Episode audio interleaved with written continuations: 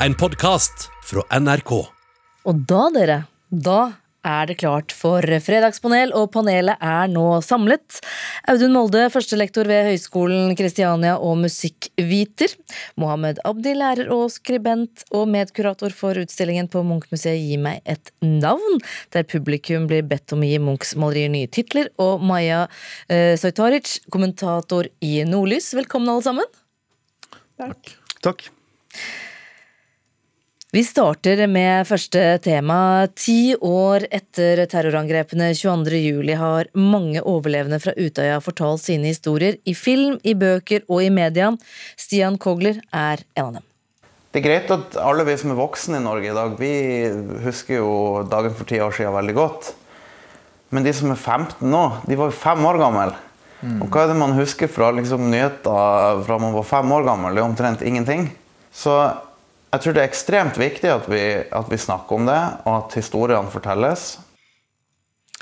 Spørsmålet er er det de personlige fortellingene som kan få nye generasjoner til å forstå hva som skjedde for ti år siden? Audun Molde. Ja. Mohammed Abdi. Ja. Maja Soytaric? Ja. Det er Bred enighet. Audun Molde. Jeg er enig med, med det vi hørte nå. Jeg, vi trenger jo selvfølgelig gode analyser, og vi trenger alle historikerne. og Det har jo allerede blitt skrevet mange bøker og utredninger, og vi vet jo veldig mye om 22. juli. Men temaet, altså tematikken bak det, det tar jo aldri slutt. Mm. Um, og vi må fortsette å jobbe med den tematikken. Og, og, jeg tror at historiefortelling er en av de beste måtene å gjøre det på. Uh, mennesker har fortalt hverandre historier i hundrevis av år.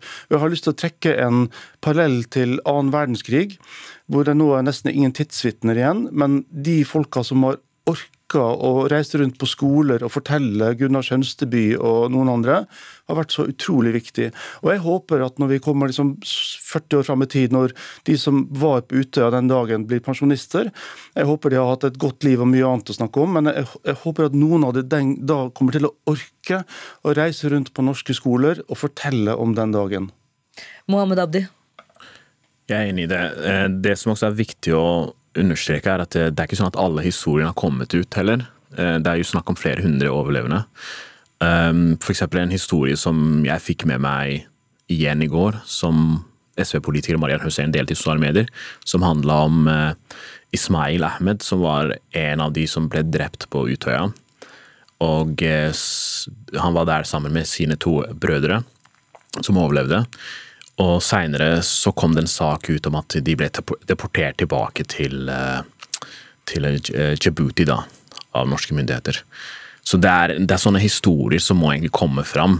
Ikke sant? Og, og, man må få lov til å snakke mer om 22. juli på en måte som gjør at flere får sånn tilgang til den tragedien, men samtidig kan flere reflektere over den. Og hva de, disse handlingene har gjort, uh, ført til i vårt samfunn. Mm. Maja Sojtoric? Ja, altså, jeg kan bare tenke med meg sjøl når uh, det som prega meg mest uh, i min læring om holocaust, var jo uh, dagboka til Anne Frank. Uh, det var ikke analyser og dyptpløyende journalistisk sakprosa, men det var de personlige historiene. Og I Norge har bl.a. Samuel Steinmann gjort en fantastisk og viktig jobb gjennom hele sitt liv om å fortelle om hvordan det var å være overlevende etter holocaust, altså Auschwitz. Eh, så eh, det jeg mangler, er jo barnebøker. Eh, vi må ha disse fortellingene om disse, mange av disse modige og sterkt prega menneskene som har overlevd eller dødd på Utøya, inn i barnelitteraturen, slik at også unger kan ta del i denne historiske tragedien for vårt land. Men hva med det politiske oppgjøret, da? Er det like viktig? I går så hørte vi jo Jens Stoltenberg si at det, det er ikke noe oppgjør altså det er, som, som er tatt en gang for alle. Um, men tankegodset som ligger bak, det må vi forholde oss til hver dag. Uh, og det tror jeg må fortsette helt uansett måte, om Utøya hadde skjedd eller ei. Vi vet jo at det finnes sterkere bilder og, og, filmer fra Utøya som ikke blir vist i Norge, men som er vist i andre land. Er det også viktig da, for å forstå nye generasjoner? Jeg vil si, når det kommer til oppgjøret, bare hvis jeg kan svare veldig kort på det Jeg mener at, eh, jeg har ment det lenge, jeg har skrevet selv, at eh, vi har ikke tatt noe reelt oppgjør. Jeg er enig med alle de Utøya-overlevende som har kommet ut, som en gammel AUF-er også. Eh, Så mener jeg at vi i Norge har ikke gjort nok. Vi bør gjøre nok med å ta det oppgjøret med dette. Vi må gjenkjenne de høyre radikale, høyreekstreme miljøene og deres eh, måte å påvirke vårt offentlige liv. Når det gjelder bildene, så er det noe som jeg tenker pårørende bør få lov til å ha siste ordet, men samtidig så tenker jeg at verdien av å vise sånne bilder er også veldig viktig, fordi den viser volden på sin mest altså mørkeste og nakne. Altså, alle husker for eksempel i en sånn annen sammenheng Alun Kurdi-bildet. Den lille tre år gamle syriske kurdiske gutten som lå med magen, som hadde drukna. Det bildet skapte masse uh, oppmerksomhet. Ikke sant? Jeg tenker bilder har også en verdi. Samtidig så skal man ta hensyn til de pårørende. Jeg tror vi skal bytte tema der. Vi skal eh, flytte oss eh, til noe helt annet. Saca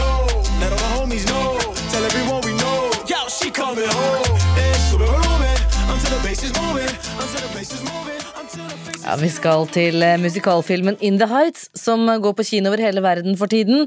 Den handler om latinonabolaget Washington Heights i New York. Og Der er det helt vanlig å være svart latinamerikaner, men på filmen der er eh, bare én av hovedrollene afrolatinsk og mørk i huden. Og Nå får filmen kritikk for det som kalles colorism, altså at lyse hudtoner ses på som finere enn eh, mørkere. Ser dere et eh, fargehierarki også i norsk eh, kultur, Maja Sojtaric? Uh, jeg vet ikke. kan man si jeg vet ikke? Det er lov å si, jeg vet ikke. Audun Molde. Et håpefullt nei. Mohammed Abdur. Jeg tviler. Jeg vil si nei eller. Eh, Jeg har ikke så mye innsikt i filmindustrien. Ok. Mm. Nei eller tja? Jeg mener altså ehm, Det er jo egentlig de samme skuespillerne i Norge som spiller film, for å si det på den måten der. Og eh, Så det er jo veldig få mennesker som driver med den bransjen. da. Men samtidig så tenker jeg i amerikansk kontekst så er det veldig stor diskusjon som har foregått siste årene eh, om eh, hvor mye denne bransjen reflekterer det amerikanske samfunnet. da. Så jeg, jeg tror ikke jeg ser et hierarki i Norge. Men det er noen tydelige eksempler fra USA, da. Audun Molde. Nei, Du spurte jo om norsk kultur generelt, og ble- jeg tror heller ikke det er noe hierarki. Og, og så tenker jeg at USA og Norge er to utrolig forskjellige land.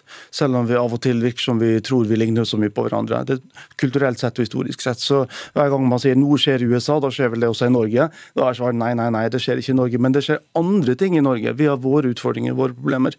Eh, og så sier jeg også litt nei, fordi at musikkbransjen som jeg kjenner best, der tror jeg vi har kommet ganske langt, altså. Eh, og og snakke liksom om at uh, Eksempelet fra i går kveld, liksom Musti og Hakem hadde hatt en større plass i et hierarki hvis de hadde hatt noen utfarge. Nei, det tror jeg ikke så veldig mye på.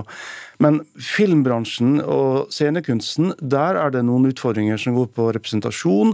Og det tror jeg har med de som sitter med makta å gjøre. og Da snakker jeg kanskje om regissørene og teatersjefene og de castingansvarlige. Men det, men det er en annen type problemstilling da, enn en den i USA. Enig. Og institusjonene. Ja. Eh, Kulturelle institusjoner har så mye å gjøre der. Kan jeg bare skyte inn en ting? Vær så god. Uh, ja, jeg tror, altså Grunnen til at jeg sier jeg vet ikke, er jo at jeg ser meg sjøl mer eller mindre representert uh, til stadighet i norsk kultur.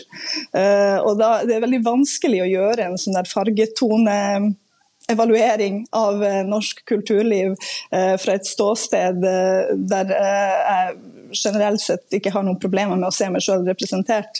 I hvert fall i senere tid, når kvinner har fått mer plass. Så jeg tror kanskje hvis man spør noen som faktisk tilhører en folkegruppe eller hva skal man si, fargetonesjattering som føler seg underrepresentert eller ikke ser seg sjøl, så vil man kanskje få noen andre svar. Så det eh, tror jeg vi må ta liksom, inn over oss at det er eh, flere måter å oppleve det norske samfunnet på også. Enig. Da konkluderer vi med at det er en enighet eh, om det. Og så går vi videre til noe som eh, vi må si at ja, det er vel vi alle kan kjenne oss igjen i, eller absolutt ikke kjenne oss igjen i. Det emoji-dagen 17. juli. Da ble det lagt frem til forslag til nye emojier. Du kan få noen eksempler her. Det er et håndtrykk med en hvit og en svart hånd, og det er en gravid mann. Spørsmålet er, kan vi snart si alt vi trenger med en emoji? Mohammed Abdi? Ja, jeg, jeg tror altså Ja. Helt så, ja. Jeg svarer med en emoji, en shrug-emoji. Shrug-emoji. Maja Sotaric? Nei, nei, nei. Nei, hvorfor ikke det? Nå lever jeg av å skrive ord. Uh, sånne svart og hvite kruseduller som eh, man får i synsfeltet og må sette seg ned og tolke og sette seg sjøl inn i. Eh, så jeg håper virkelig at sånn gule smeltevinkefjes ikke tar over jobben min. Mohammed Abdi?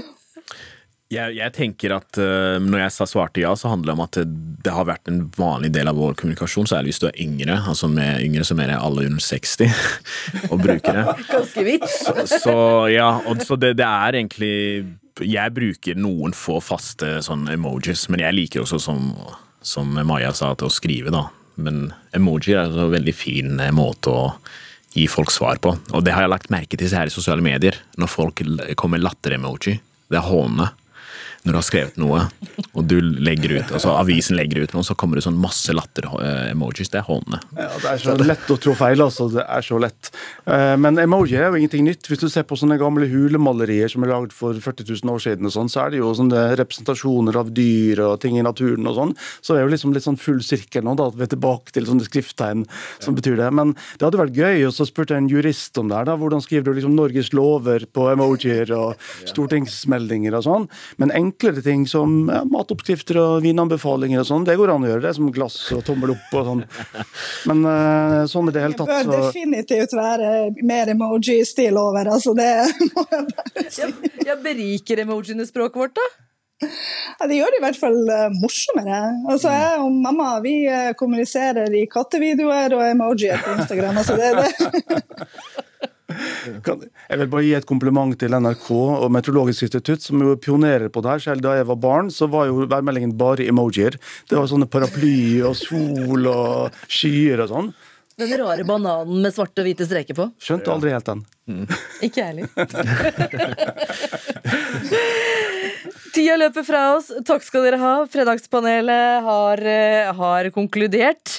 I studio her så hadde vi Audun Molde og Mohammed Abdi og Maya Soitaric. Takk skal dere ha, alle sammen. Audun Molde, du blir med oss eh, litt videre, for om noen minutter da skal vi snakke om Amy Winehouse. Du har hørt en podkast fra NRK. Hør flere podkaster og din favorittkanal i appen NRK Radio.